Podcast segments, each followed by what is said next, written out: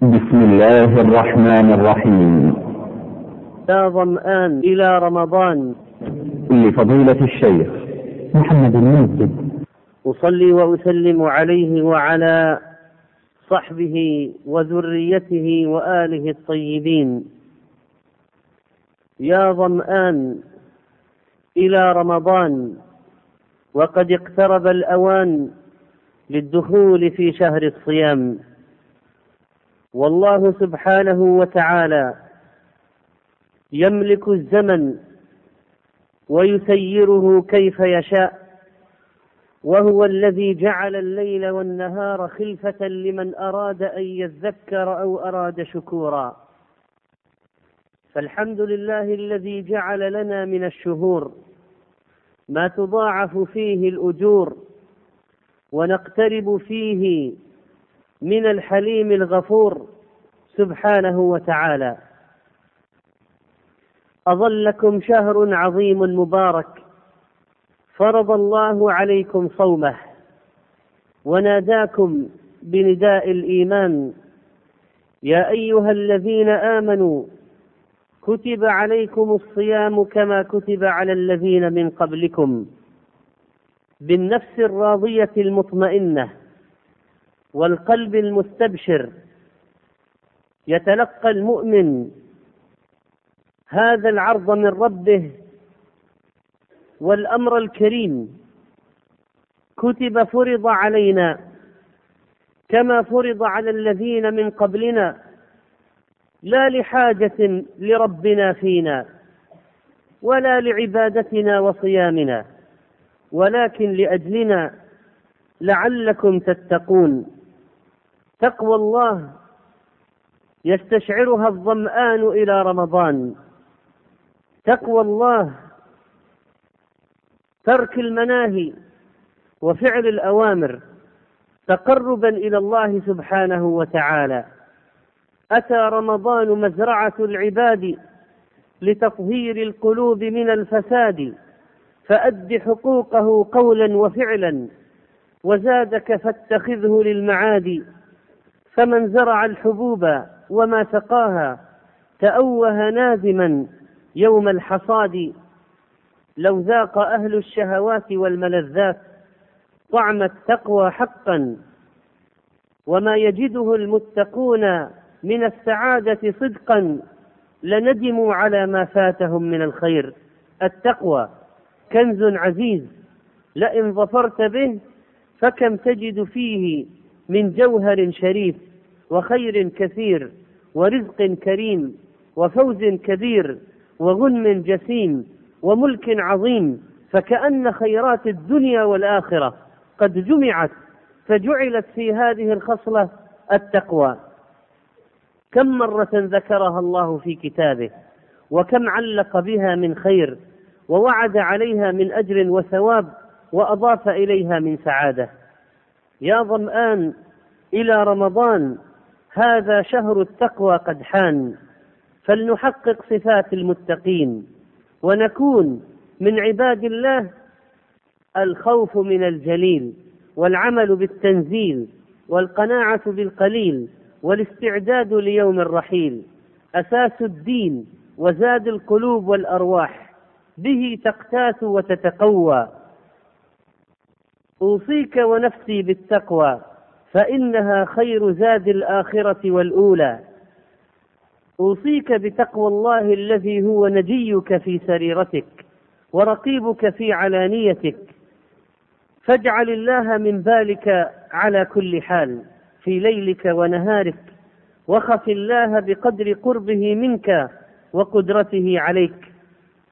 واعلم بأنك ليس تخرج من سلطانه إلى سلطان غيره ولا من ملكه إلى ملك غيره فليعظم منه حذرك وليكثر منه وجلك. إن النصحاء رحمة الله عليهم ورضوانه قد اتفقوا على أن سعادة العبد في الدنيا والآخرة التمسك بالتقوى. التقوى ترك ما حرم الله. وأداء ما افترض الله أن تعمل بطاعة الله على نور من الله ترجو ثواب الله. قال ابن القيم فالصوم يحفظ على القلب والجوارح صحتها ويعيد إليها ما استلبته منها أيدي الشهوات فهو من أكبر العون على التقوى. فالمتقون متبعون لطريق الصدق وأهله. وهو طريق الأنبياء والمرسلين. فادخل يا أخي يا ظمآن إلى رمضان حبس التقوى باختيارك اياما ليحصل لك الإطلاق على الدوام. ولا تؤثر إطلاق نفسك فيما تهوى فإنه يسبب حبس الأبد. الصوم وسيلة إلى شكر النعم. الصوم وسيلة إلى شكر النعم. إذ النعم مجهولة فإذا فقدت عرفت. الصوم يؤدي إلى دفع النقم إلى ترك المحرمات إلى هذه النفس التي انقادت لترك الحلال طمعا في مرضاة الله اولى أن تنقاد للامتناع من الحرام. قال النبي صلى الله عليه وسلم من لم يدع قول الزور والعمل به فليس لله حاجة في أن يدع طعامه وشرابه. فانظر في روح الصوم وواجباته وشروطه وأركانه واعلم بأنك ترزق يا ظمآن إلى رمضان التغلب على الشهوة واتقاء عذاب النيران. لأن النفس إذا شبعت تمنت الشهوات وإذا جاعت امتنعت عما تهوى. ألم يقل فعليه بالصوم فإنه له وجاء؟ إنها العبودية لله. نجوع لله. نترك الشهوة لله تذللا وخضوعا. العبادة طاعة امتثال وهكذا نفعل له في شهر الصيام. خوفا ورجاء اخلاصا ومحبة ذلا وخضوعا. العبادة الاسم الجامع لكل ما يحبه الله ويرضاه من الأقوال والأفعال. من نال محبوبه تلذذ به ومن حرم منه تألم لفقده ومن ناله مكروه تألم ومن عوفي منه تلذذ. وهكذا فإننا نصل إلى المبتغى. ثلاث من كن فيه وجد حلاوة الإيمان. نقدم طاعة الله على شهواتنا. نقدم احتساب الأجر على طعامنا وشرابنا ونكاحنا. وهكذا نرضى به ربا وبدينه وبنبيه رسولا صلى الله عليه وسلم.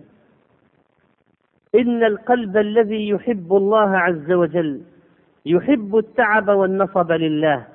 إنه لن ينال إنه لن ينال حب الله بالراحة. وإنما سيكون بالتعب والنصب. ولئلا يزاد في العبادة ما ليس منها. أما قضية الاستعداد بالمأكولات والمشروبات فإن البهائم تفعل ذلك.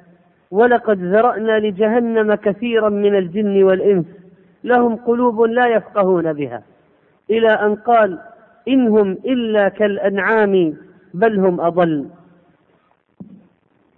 إن الشوق إلى الله يبعث المؤمن على انتظار هذا الضيف الكريم لكي يعمل فيه بالطاعات إذا نزل بساحته ويتقرب إلى المولى. إذا تقرب العبد إلي شبرا تقربت إليه ذراعا. وإذا تقرب إلي ذراعا تقربت منه باعا. وإذا أتاني يمشي أتيته هرولة. وهكذا وعجلت إليك رب لترضى. وهكذا يطالع من أسماء الله الحسنى وصفاته العلى ويتدبر في كلامه ما يحركه إلى ربه. يطالع في النعم ويتحسر على فوات الأزمنة في غير طاعة الله. قال ابن القيم وهذا اللحظ يؤدي به إلى مطالعة الجناية يعني الذنوب والوقوف على الخطر فيها والتشمير لتداركها والتخلص من رقها وطلب النجاة بتمحيصها يا ظمآن إلى رمضان. عندما يقترب الشهر فإنك تتخيل في عقلك كل ما أسلفت من الذنوب. وتريد أن تدخل الآن بوابة التوبة بوابة الغفران بوابة محو الذنوب بهذا الصيام. واعلم أن لهذا الشوق إلى رمضان لصوصا وقطاعا يتعرضون لك فاحذرهم. احذر الفتن. فحي هلا إن كنت ذا همة فقد حدا بك حاد الشوق فاطوي المراحل. ولا تنتظر بالسير رفقة قاعد ودعه فإن العزم يكفيك حاملا. اعرف فضل الموسم ومنة الله عليه عليك فيه. شهر رمضان الذي أنزل فيه القرآن. قال النبي صلى الله عليه وسلم إن لله في أيام الدهر نفحات فتعرضوا لها فلعل أحدكم أن تصيبه نفحة فلا يشقى بعدها أبدا. حديث صحيح. ما من يوم إلا يقول ابن آدم قد دخلت عليك اليوم ولن أرجع إليك بعد اليوم فانظر ماذا تعمل في. فإذا انقضى طوي وختم فلا يفكه إلا الله. ليس يوم يأتي من أيام الدنيا إلا ولسان حاله يقول يا أيها الناس إني يوم جديد وإني على ما يعمل في شهيد وإني لو قد غربت الشمس لم أرجع إليكم إلى يوم القيامة. يا ابن آدم اليوم ضيفك والضيف مرتحل. يحمدك ويذمك وكذلك ليلتك. فانظر ماذا ستعمل فيه. أيام قادمة وليالي فاضلة. ابن آدم اغتنمني لعله لا ليلة لك بعدي. وعندما نكون وعندما نكون في عزيمة فإن أعمالنا ستأتي على قدر عزائمنا. على قدر أهل العزم تأتي العزائم وتأتي على قدر الكرام المكارم وتعظم في عين الصغير صغارها وتصغر في عين العظيم العظائم. من نافسك في دينك فنافسه ومن نافسك في دنياك فألقها في نحره. إن استطعت أن لا يسبقك إلى الله أحد فافعل. يا ظمآن إلى رمضان تحمس تحمس فالأجر جزيل والثواب عظيم والمضمار واسع. ما كان ابن عمر يفعله في منزله أجاب نافع الوضوء لكل صلاة والمصحف فيما بينهما. واجتهد أبو موسى اجتهادا شديدا فقيل له لو أمسكت أو رفقت بنفسك بعض الرفق فقال إن الخيل إذا أرسلت فقاربت رأس مجراها أخرجت جميع ما عندها والذي بقي من أجل أقل فلم يزل حتى مات. إذا رأيت الناس يتهاونون في أمر الله فليزدك ذلك جدا واجتهادا. إنه ما ينبغي للرجل المسلم أن يرى الناس متهاونين إلا ويزيده ذلك جدا واجتهادا. ولذلك فإياك يا ظمآن إلى رمضان أن تدخل الشهر برفقة البطالين.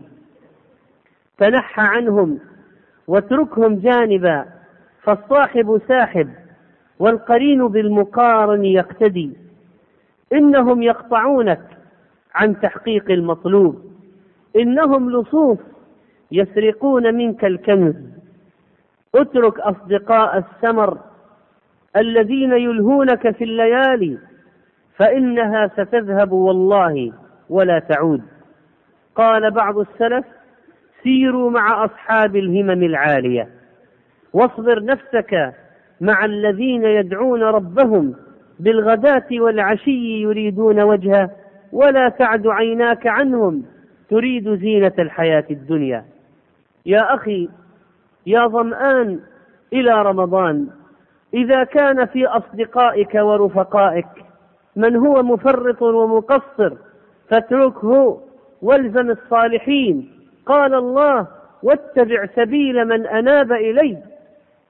فانظر في في عباد الله من هم المنيبون؟ فالزمهم. من هم الصالحون؟ فكن معهم وادع ربك وأدخلني برحمتك في عبادك الصالحين. يا أخي إذا كنت قد دخل عليك في الصحبة فنالوا منك بإيقاعك في المعاصي فيما مضى. فكن الآن مع الصادقين لأن الله قال يا أيها الذين آمنوا اتقوا الله وكونوا مع الصادقين. لا تقعد فارغة. قال شعبة لأصحابه لا تقعدوا فراغا فإن الموت يطلبكم. واصل العمل. طلب الراحة في الدنيا لا يصح لأهل المروءات كما قال الشافعي. فإن أحدهم لم يزل تعبان في كل زمان. سئل الإمام أحمد متى يجد العبد طعم الراحة؟ قال عند أول قدم يضعها في الجنة. انظر في ذوي الهمم والمروءات وأصحاب السر مع الله فسر معهم أصحاب الإخلاص والسر مع الله. إنما يجلس الرجل إلى من ينفعه في دينه. قال الحسن البصري إخواننا أحب إلينا من أهلينا وأولادنا لأن أهلنا يذكروننا بالدنيا وإخواننا وإخواننا يذكروننا بالآخرة. لعمرك ما مال الفتى بذخيرة ولكن إخوان الثقات الذخائر. فاللهم إنا نسألك صحبة الصالحين. اجعلهم عونا لنا في عبادتك في هذا الشهر الكريم. ولنتخلص من رواسب الماضي. حط الأوزار قبل الدخول من الباب وألق عند العتبة كل ما كان في الجاهلية. يا ذا الذي ما كفاه الذنب في رجب حتى عصى ربه في شهر شعبان.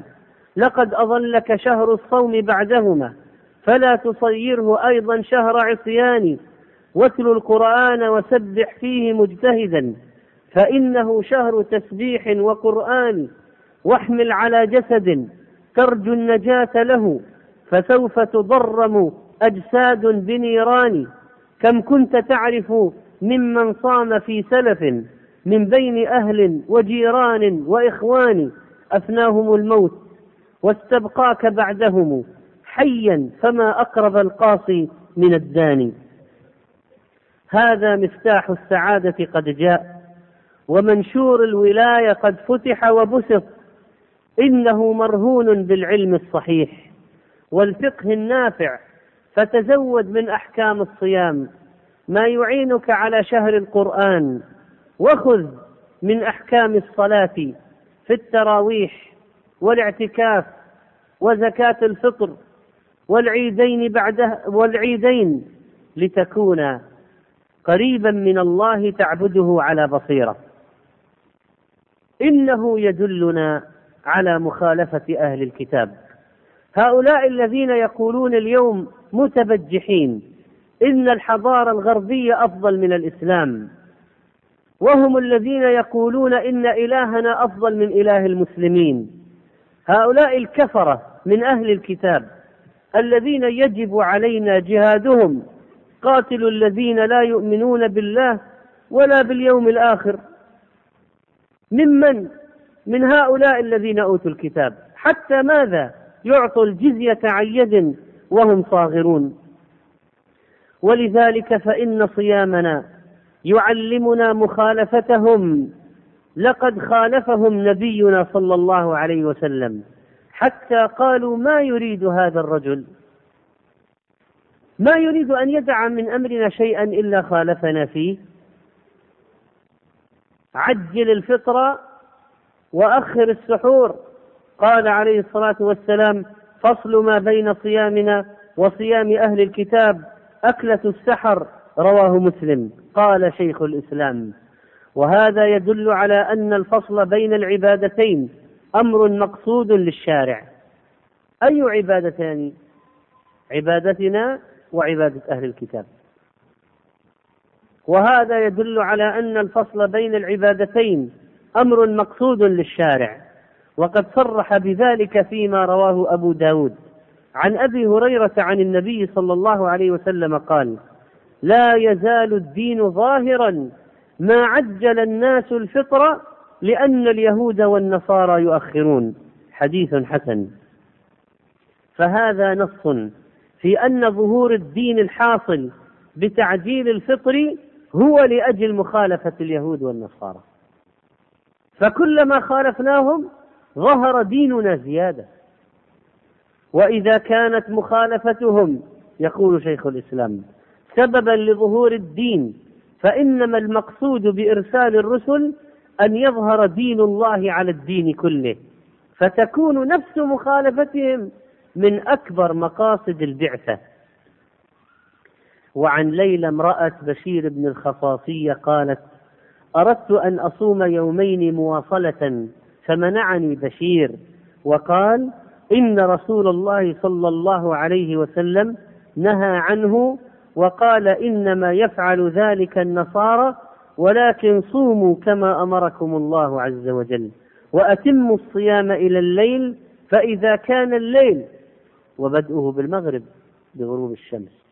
فأفطروا رواه أحمد وصححه الألباني.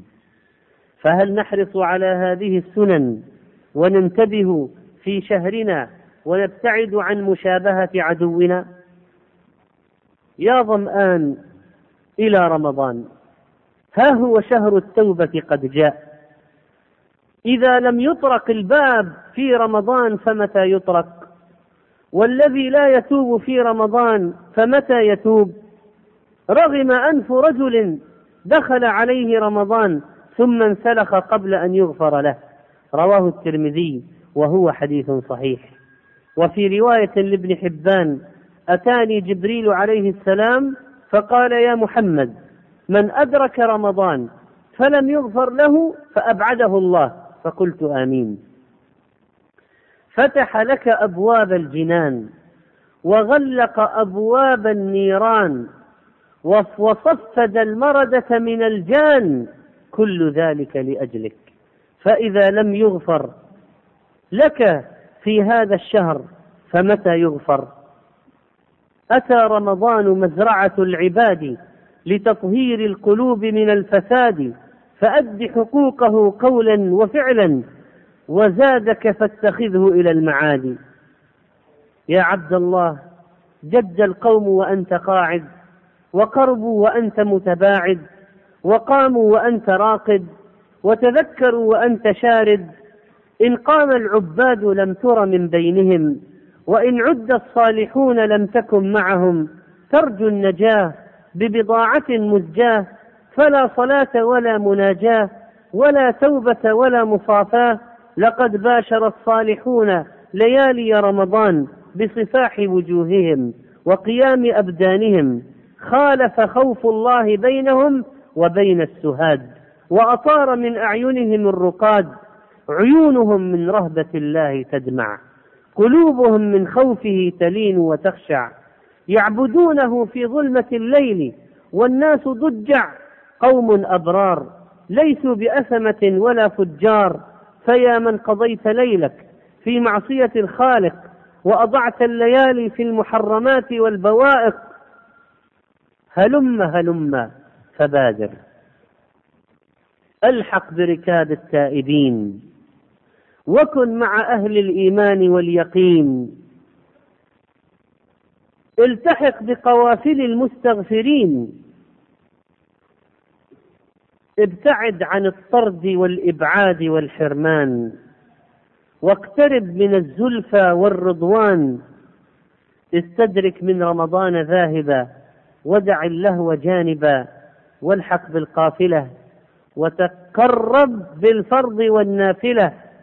واجعل الحياة بطاعة ربك في رمضان حافلة. يا ظمآن إلى رمضان إنه شهر القرآن. ما بالك إذا جاء صيامك وكتابك يشفعان فيك يوم القيامة؟ يقول الصيام أي رب إني منعته الطعام والشهوات بالنهار فشفعني فيه. ويقول القرآن رب منعته النوم بالليل فشفعني, فشفعني فيه فيشفعان. نزل القرآن كله إلى سماء الدنيا من اللوح المحفوظ في رمضان وابتدأ نزوله في رمضان. فعليك بالمواظبة في تلاوته. إنه شهره وقد كان جبريل يدارس نبينا صلى الله عليه وسلم القرآن في رمضان. كان بعض السلف يختمه في رمضان كل ثلاث يقرؤونه في الصلاة وغيرها. وهكذا وهكذا كانوا يكونون من المضاعفين للتلاوة في هذا الشهر بالتدبر والفهم. كانوا يبكون لما فيه من المواعظ ويتدبرون ما فيه من الأحكام والقصص والعبر ينبغي لقارئ القرآن أن يعرف بليله إذا الناس نائمون وبنهاره إذا الناس يفطرون وببكائه إذا الناس يضحكون وبورعه إذا الناس يخلطون. قال محمد بن كعب كنا نعرف قارئ القرآن بصفرة لونه يشير إلى سهره وطول تهجده. قيل لرجل ألا تنام؟ قال إن عجائب القرآن أطرن نومي. منع القرآن بوعده ووعيده مقل العيون بليلها لا تهجع. فهموا عن الملك العظيم كلامه. فهما تذل له الرقاب وتخضع. كان مالك في رمضان لا يتشاغل إلا بالقرآن. كان يعتزل التدريس والجلوس للناس ويقول هذا شهر القرآن. قال أنس كان المسلمون إذا دخلوا شعبان انكبعوا على المصاحف فقرأوها وأخرجوا زكاة أموالهم تقوية للضعيف والمسكين على صيام رمضان. فكيف سيكونون اذا في شهر رمضان؟ هل يبدأ المسلم في قراءة القرآن بعد طول الغياب؟ هل تعود الختمات بعد إذ هجرت؟ هذا حال أهل الغفلة فهل من نهاية لهذه الغفلة؟ وقراءة القرآن في رمضان كانت سنة النبي عليه الصلاة والسلام. إنه يراجعه مع جبريل وكانت المراجعة بالليل ولذلك فإن مراجعته مع أخ لك في الله من السنة ألم يراجعه النبي صلى الله عليه وسلم مع جبريل؟ ولذلك فهلم هلم إلى التلاوة. اشحذ لسانك وأعد مصحفك واعلم يا أخي أن الله تعالى في ثنايا آيات الصيام في سورة البقرة ذكر عبادات معترضة في آيات الصيام. وأشار إلى قراءة القرآن شهر رمضان الذي أنزل فيه القرآن. ثم قال وإذا سألك عبادي عني فإني قريب أجيب دعوة الداعي إذا دعان. الدعاء. وذكر الاعتكاف أثناء آيات الصيام. ولا تباشروهن وأنتم عاكفون في المساجد. فأدخل عبادات في الصيام فعلمنا أن هذه العبادات قراءة القرآن والدعاء والاعتكاف من أولى ما يفعل في رمضان. الدعاء إظهار غاية التذلل والافتقار إلى الله. ادعوني أستجب لكم. الدعاء هو العبادة. ليس شيء أكرم على الله من الدعاء. الدعاء بقلب خالص ليس بقلب غافل لاهن الدعاء عند دخول الشهر. فقل ما تقول عند رؤية الهلال. والبشارة به فبشروا الناس بقدوم رمضان. والدعاء في وقت الصيام إلى الإفطار. دعاء الصائم مستجاب. وعند الإفطار دعاء آخر مستجاب. أليس جمع شرف الزمان وشرف الحال في الصيام وعند الفطر؟ ثم تتحرى ليالي العشر ومنها ليلة القدر بالدعاء. وتقول أيضا لمن أفطرت عنده؟ الدعاء وعند السحر دعاء بالاستغفار. وإذا شتمك أحد فقل اللهم إني صائم. لا يرد القدر إلا الدعاء والدعاء من القدر. لستم تنصرون بكثرة وإنما تنصرون من السماء. السلف يقولون الواحد منهم إني لا أحمل هم الإجابة. ولكن أحمل هم الدعاء. من لم يسأل الله يغضب عليه. فارفع كفيك واطلب من ربك. بوضوء إلى القبلة متوسلا بأسمائه وصفاته. ألح عليه وكرر يا رب يا رب أطب مطعمك. واغتنم الأوقات الفاضلة. ثم يا ظمآن إلى رمضان. إن الله سبحانه وتعالى قد ذكرنا بالصلاة ومنها صلاة النافلة وشرع لنا الاجتماع في رمضان على التراويح ولم يشرعه لنا في غيرها من الليالي والشهور. فلا يشرع الاجتماع عمدا عن قصد في غير ليالي رمضان. وفي ليالي رمضان يشرع الاجتماع في صلاة التراويح. شهر يفوق على الشهور بليلة من ألف شهر فضلت تفضيلا طوبى لعبد صح فيه صيامه ودعا المهيمن بكرة وأصيلا وبليله قد قام يختم ورده متبتلا لإلهه تبتيلا. سميت الصلاة في الجماعة في ليالي رمضان التراويح لأنهم أول ما اجتمعوا عليها كانوا يستريحون بين كل تسليمتين. ابن حجر العسقلاني. واعلم أن المؤمن يجتمع له في شهر رمضان جهادان جهاد بالنهار جهاد بالنهار على الصيام وجهاد بالليل على القيام. فمن جمع بين هذين الجهادين وفي أجره بغير وفي أجره بغير حساب. ابن رجب رحمه الله. قيام الليل في سنة مؤكدة. قيام الليل يصلح الحال ويقرب من الجليل المتعال. قيام الليل أجره مضاعف في رمضان. لا يستكبرون تتجافى جنوبهم عن المضاجع. يدعون ربهم خوفا وطمعا. يبيتون لربهم سجدا وقياما. أولئك يجزون الغرفة. إن المتقين في جنات وعيون آخذين ما آتاهم ربهم إنهم كانوا قبل ذلك محسنين.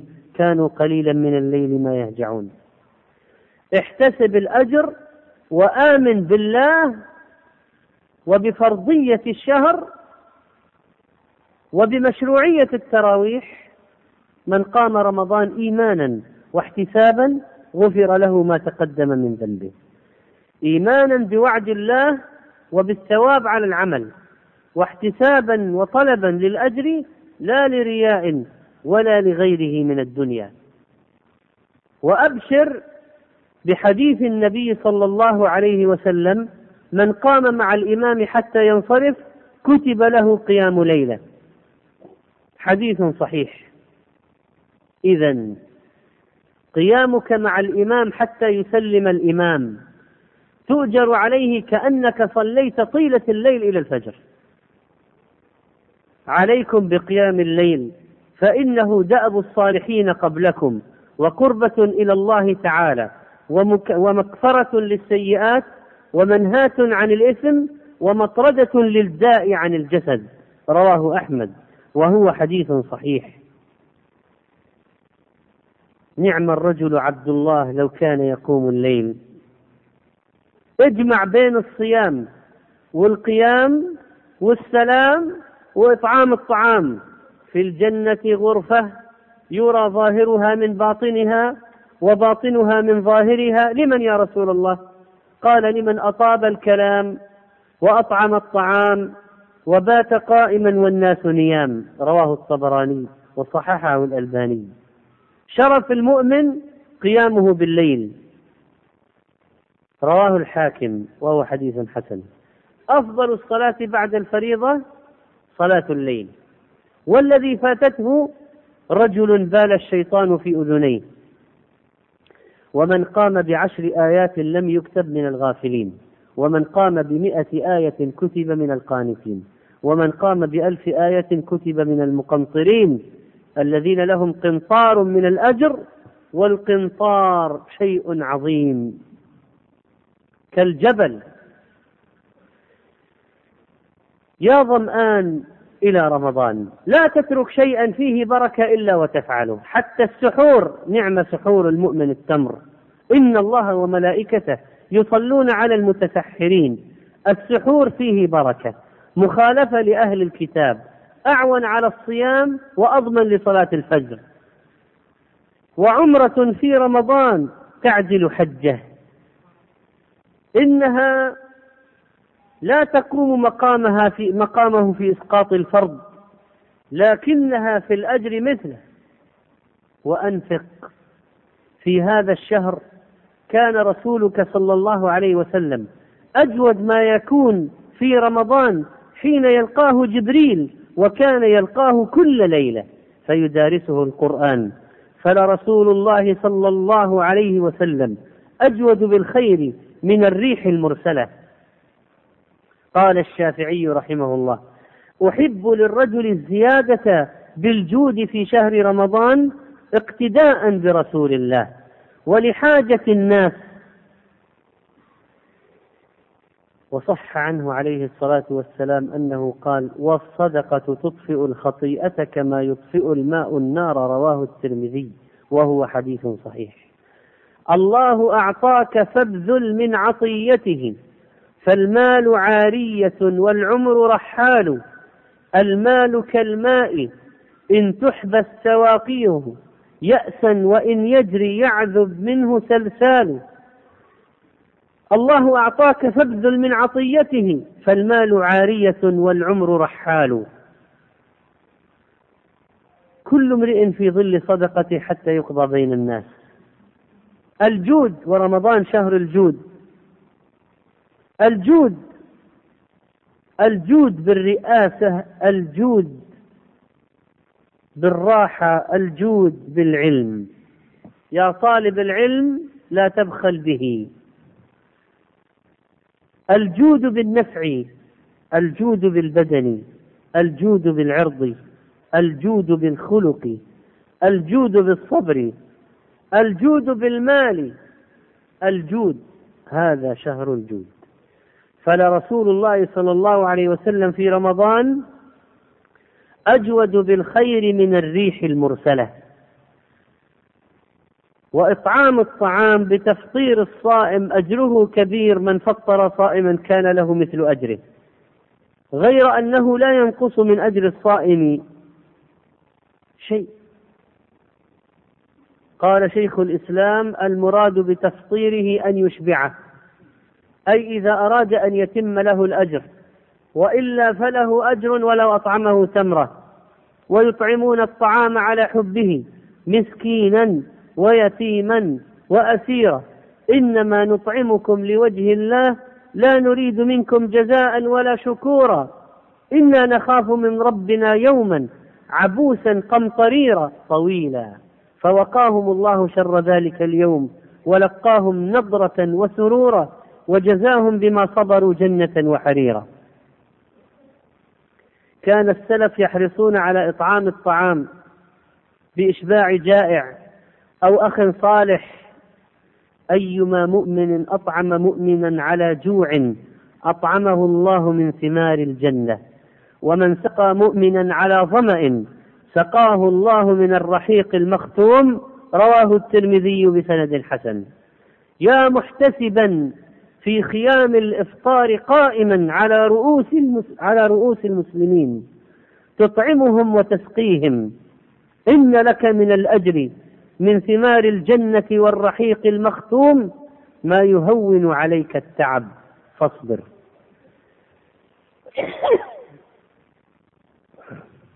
قال بعض السلف لأن أدعو عشرة من أصحابي فأطعمهم طعاما يشتهونه. أحب إلي من أن أعتق كذا وكذا.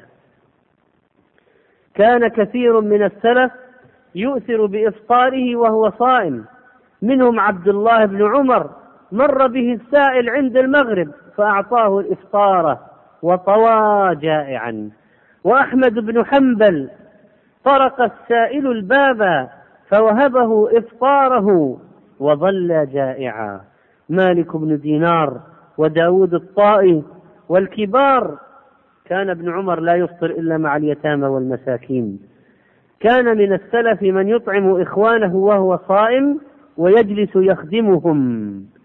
كان رجال من بني عدي يصلون في هذا المسجد يقول أبو السوار العدوي ما أفطر أحد منهم على طعام قط وحده.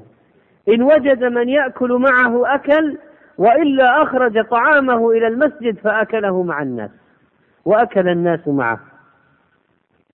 لن تدخلوا الجنة حتى تؤمنوا ولن تؤمنوا حتى تحابوا. عبادة إطعام الطعام تودد وتحبب إلى عباد الله. لا تدخلوا الجنة حتى تؤمنوا ولا تؤمنوا حتى تحابوا. إنه شهر المواساة يجمع الغني والفقير. والصغير والكبير يشتركون في المائدة يربي الإنسان نفسه على التواضع عندما يجلس مع العمال والفقراء والغرباء. إنه شهر قضاء الديون وفك الرقاب والتفريج عن الغارمين وقضاء الديون عن المعسرين. إن زكاة الفطر تختم هذا الشهر. لماذا؟ طعمة للمساكين مقبولة عند رب العالمين. أيها الإخوة لقد كان شهرنا على مر التاريخ شهرا عظيما ينبغي أن نتذكر فيه أسلافنا. فيا ظمان إلى رمضان. أذكر أن الفتوح والانتصارات الكثيرة كانت في هذا الشهر.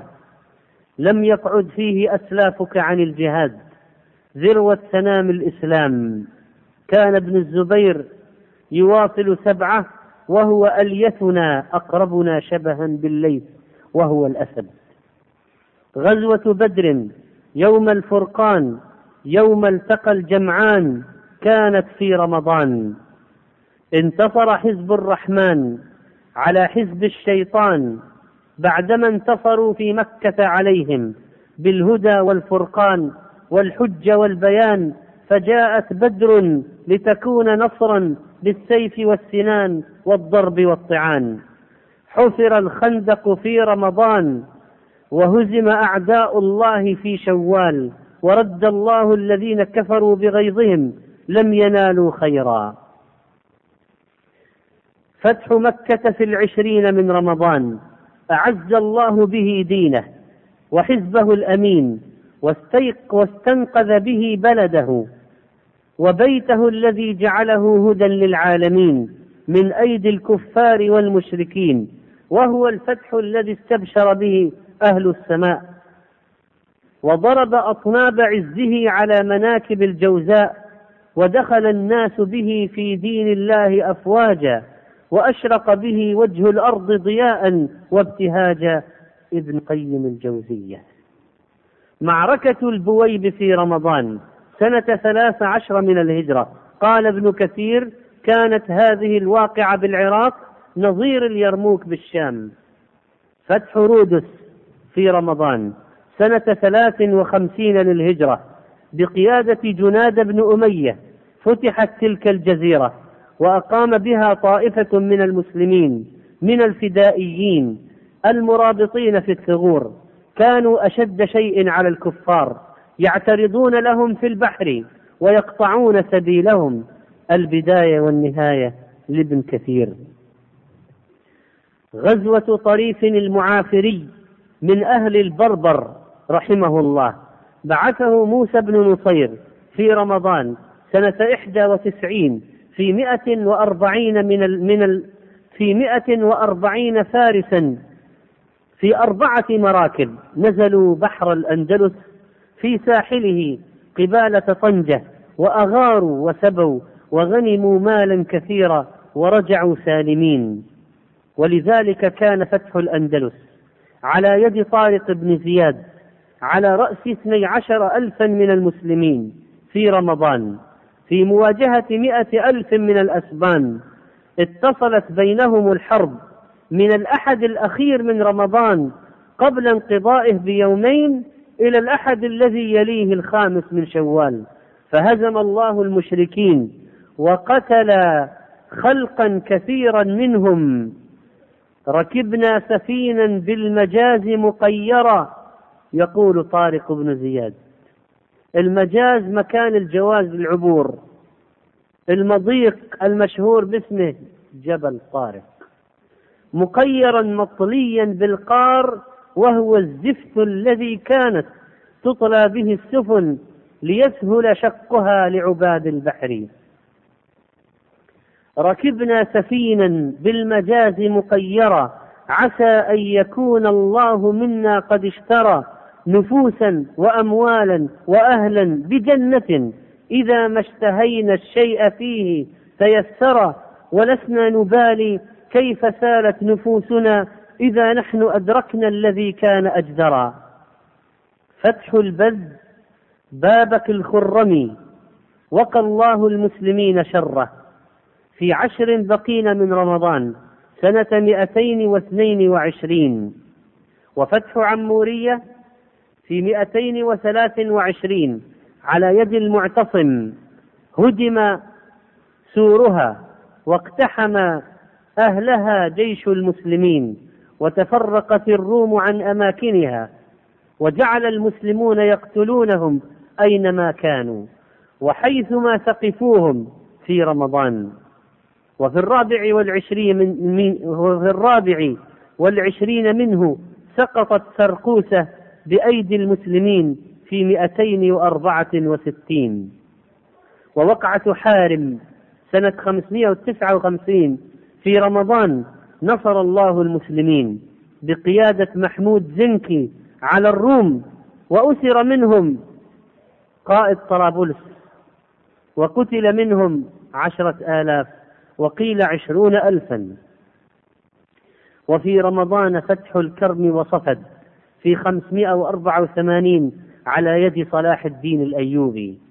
وفي الخامس والعشرين من رمضان سنة ست وستمائة ستمائة وثمان وخمسين وقعة عين جالوت هزم الله التتار الملاعين وأظهر بهم جنده المؤمنين بقيادة الملك المظفر سيف الدين قطز الذي خاض غمار المعركة ونزل في معمعتها مترجلا على الأرض كالليث في عرينه فرآه بعض أمرائه فنزل له عن فرسه ليركبها فأبى وقال ما كنت لأحرم المسلمين نفعك. وهكذا. لما قيل له تقتل يهلك الإسلام بسببك. قال أما أنا فكنت أروح إلى الجنة وأما الإسلام فله رب لا يضيعه. قد قتل فلان وفلان حتى عد خلقا ممن مضى من العظام فأقام الله للإسلام من يحفظه غيرهم ولم يضع الإسلام. وفي سبعمائة واثنين للهجرة في الثاني من رمضان معركة شكحب بين جيوش المسلمين المجتمعين من مصر والشام ومعهم السلطان الناصر محمد بن قلاوون. جمع شيخ الإسلام جيش مصر والشام وهكذا يؤزهم للقتال في سبيل الله ويطوف عليهم ويقرأ الآيات ويأمرهم بالفطر والفطر أقوى والإسلام دين الواقعية. إنه لا يقول للمسلمين جاهدوا وأنتم صيام. إنما يأمرهم بالفطر والفطر أقوى لهم وأفطر هو أمام الناس وكان يدور على الأجناد والأمراء. فيأكل من شيء معه في يده ليعلمهم أن إفطارهم ليتقووا به على القتال أفضل من صيامهم.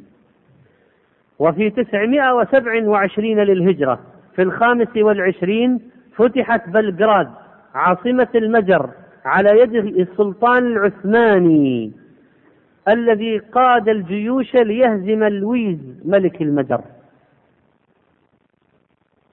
ثم جاء ليطلب دفع الجزية. عباد الله أيها الإخوة إن هذا الشهر ليعيد تذكيرنا بأمجاد ماضينا وكيف يجب أن نعود إلى ذلك العز وأن ننفض عنا غبار النوم والكسل. إيانا إيانا من تفريغ رمضان من محتواه فإن هناك مؤامرة كبيرة وخطيرة. على رمضان. إن هناك مؤامرة خطيرة لإفراغه من محتواه. خيام بشيشة ومعسل وشاشات وضجة وصخب وغناء على الأرصفة وعبث بالشوا في الشوارع بالسيارات وأطباق تذهب الخشوع. وسداسيات للكرة. تفرغ رمضان من محتواه بل سفريات ومحرمات. وأغاني ومسلسلات. ماذا اعدوا لرمضان؟ أعد عباد الله المصاحف والأقدام أعد عباد الله البكاء والدموع. أعد عباد الله التوبة النصوح. أعد عباد الله الجود بأنواعه والكرم. أعد عباد الله مخالفة هوى النفس. ثم يأتي هؤلاء ليقولوا أعددنا الجداول. أعددنا الجداول لأي شيء. كل ليلة مع مغني أو مغنية. ضيف الحلقة ممثل أو ممثلة. كوميديا حل صيامك. مسلسل اضحك للدنيا.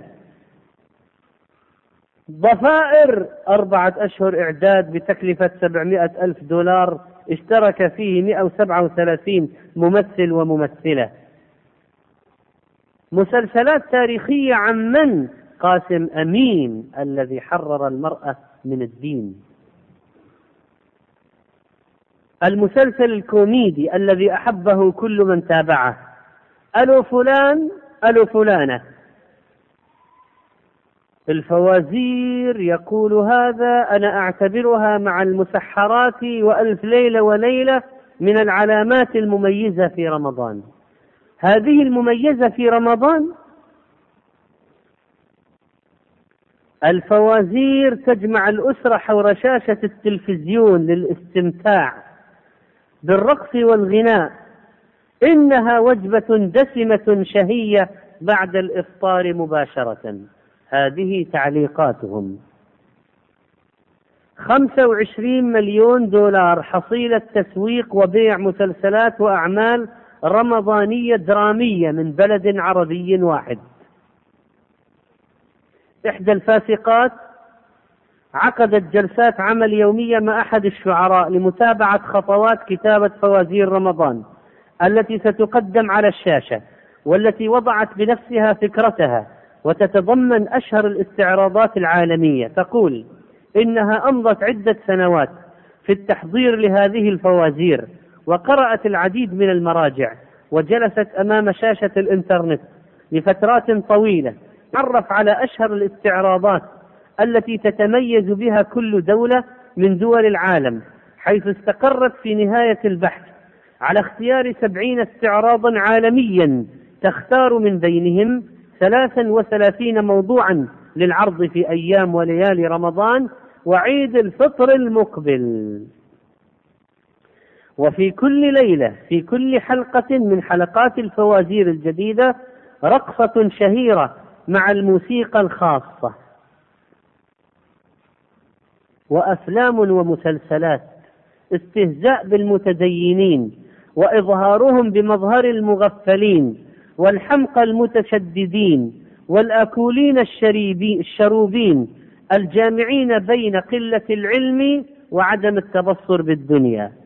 وهكذا يستمر مسلسل إفراغ رمضان من محتواه. وإلهاء الناس عن العبادة والدين وجعلهم يفسقون بالليل بعد أن كانوا يعبدون في النهار ويتأخرون عن صلاة التراويح لأجل متابعة المسلسل والفيلم. وكاميرات ظاهرة وأخرى خفية والمقصود الإلهاء عن العبادة والمقصود طمس أثر الصيام. والإيمان الذي حل في القلب. أين العقول؟ أين الخوف من الجليل والاستعداد ليوم الرحيل؟ يا أخي إذا كنت جادا في التوبة فما لك ولهذه الأشياء؟ إذا كنت جادا في الأوبة فما لك ولهذه الترهات؟ كيف سيقضى على أثر العبادة في هذا الشهر؟ ماذا سيفعل بالفرحتين إذا أفطر فرح لفطره وإذا لقي ربه فرح بصومه؟ ماذا يريد هؤلاء وقد صفدت مردة الجن أن يشتغل شياطين الإنس؟ ماذا سيفعلون بأجر الصوم الذي جعله الله له إلا الصوم فإنه لي وأنا أجزي به. ماذا سيحصل في كل ليلة؟ ولله عتقاء من النار. ففي, أي صحيفة وفي أي ديوان سيكتبون؟ إن في, جن في الجنة بابا يقال له الريان. يدخل منه الصائمون فإذا دخلوا أغلق فلم يدخل غيرهم. أين خلوف فم الصائم الذي كان أطيب عند الله من ريح المسك في النهار؟ بأي شيء سيتكلم بالليل؟ أبالأغاني أم بماذا؟ ماذا يحصل للصيام الذي سيشفع للعبد؟ ومن صام يوما يبتغي وجه الله به ختم له دخل الجنة. والصوم الذي لا عدل له ودعوة الصائم المستجابة ماذا سيحصل لها؟ أي عبادة هذه وأي دعاء في قنوت الوتر الذي سيقبل؟ وحال هذا الإنسان من الخلط والمعاصي ما لا يعلم به إلا الله. لماذا يحدث ذلك؟ لماذا نرضى بهذا الذل؟ ألم يكن إبراهيم بن هانئ عند وفاته صائما فقال أنا عطشان فجاءه ابنه بماء قال أغابت الشمس؟ قال لا فرده. ثم قال لمثل هذا فليعمل العاملون. ثم مات. أبو مريم الغساني ظل صائما إلى آخر لحظة من حياته. يقول له حوله لو جرع لو جرعت جرعة ماء فقال بيده هكذا لا. فلما دخل المغرب قال أذن قالوا نعم. فقطروا له في فمه قطرة ثم مات. هكذا كان السلف يصومون عن المعاصي ويصومون لله عز وجل كما أراد. ثم ماذا يحدث اليوم؟ ماذا يحدث اليوم يا عباد الله؟ أين ذكر الأذنين واللسان والعينين واليدين والبدن؟ أين قيامنا بالواجب في الدعوة والأمر بالمعروف والنهي عن المنكر وتعليم الناس في رمضان؟ أسلمت فتاة ألمانية ولما جاءت لتعلن إسلامها وتغير اسمها من مارتينا إلى فاطمة لم تسمي نفسها بمثل أسماء الخانعات اليوم. قالوا لها ماذا أعجبك في الإسلام؟ قالت أن أقف بين يدي الله خمس مرات أصلي بخشوع وأن أصوم لله. قالوا لماذا؟ قالت لأن الصيام يربي الضمير في النفس لأنه سر بين العبد وربه. قالوا ما مثلك الأعلى؟ قالت خديجة بنت خويلد وفاطمة بنت محمد صلى الله عليه وسلم. فلنتحسر على ما فات. ولنقم لله سبحانه وتعالى بالمطلوب دعاء بخشوع بغير تطريب ولا تلحين يخرج عن الخشوع ولا زيادات بدعية ولا تفصيلات ما أنزل الله بها من سلطان ولا مشقة على المأمومين ولا تغني وتقعر ولا اختراعات وأشياء مخالفة للعقيدة ولا سجع متكلف ولا تشقيق ليس بوارد أو تحويل الدعاء إلى مواعظ وخطب. أيها الإخوة نحن بحاجة ماسة إلى جدول يومي في هذا الشهر القادم على ذكر لله وتطبيق للسنن أن نكون مع الله عز وجل طيلة الشهر ليلا ونهارا. أخي الكريم يا ظمآن إلى رمضان هل أنت جاد فعلا في القدوم على هذا الشهر الكريم؟ لا تترك صلاة واحدة. ينامون عن الظهر والعصر في رمضان. إياك إياك. استيقظ لصلاة الفجر.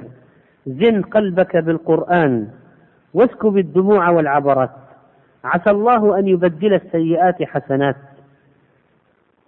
لا تستكثر المعاصي التي سبقت في رحمة الله فإن الله يغفر الذنوب جميعا. أقلع عن الذنوب. واشدد يديك بحبل الله معتصما فإنه الركن إن خانتك أركان. من يتق الله يحمد في عواقبه ويكفه شر من عزوا ومن هانوا من كان متعاطيا لمعصية فليترك معصيته. من كان في وظيفة محرمة فليخرج إلى تقوى من الله. من كان للخير مناعا فليس له. على الحقيقة إخوان وأخدان.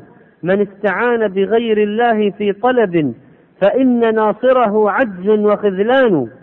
يا أيها الشاب الذي أنت مغتر بشبابك رفقا ثم رفقا وصونا لدينك وعرضك. عد إلى الله. فقد آن الأوان. لا تغتر بشباب رائق خضر. فكم تقدم قبل الشيب شيب شبان. لا تغتر بشباب رائق نضر. فكم تقدم قبل الشيب شبان. لا تحسبن سرور دائم أبدا. من سره زمن. ساءته أزمان. أيتها الأخت المسلمة عليك بطاعة الله ثم بطاعة الزوج وطاعة الوالدين. كوني عونا له على طاعة الله واعلمي بأن التوبة إلى الله في هذا الشهر الكريم الإقلاع عن المعاصي والأخذ بالطاعات. اللهم إنا نسألك فعل الخيرات وترك المنكرات وحب المساكين. وإذا أردت بعبادك فتنة فاقبضنا إليك غير مفتونين. أعمر قلوبنا بالإيمان وارزقنا طاعتك يا رحمن. اللهم بلغنا شهر الصيام وأعنا فيه على العبادة والقيام. اللهم ضاعف لنا فيه الأجر وضع عنا فيه الوزر. ارفع درجاتنا واغفر زلاتنا وكثر حسناتنا. اللهم إنا نسألك أن تجعل عاقبتنا إلى خير. انصر الإسلام وأهله وأذل الكفر وأهله وصلى الله على النبي الأمي وعلى آله وصحبه أجمعين.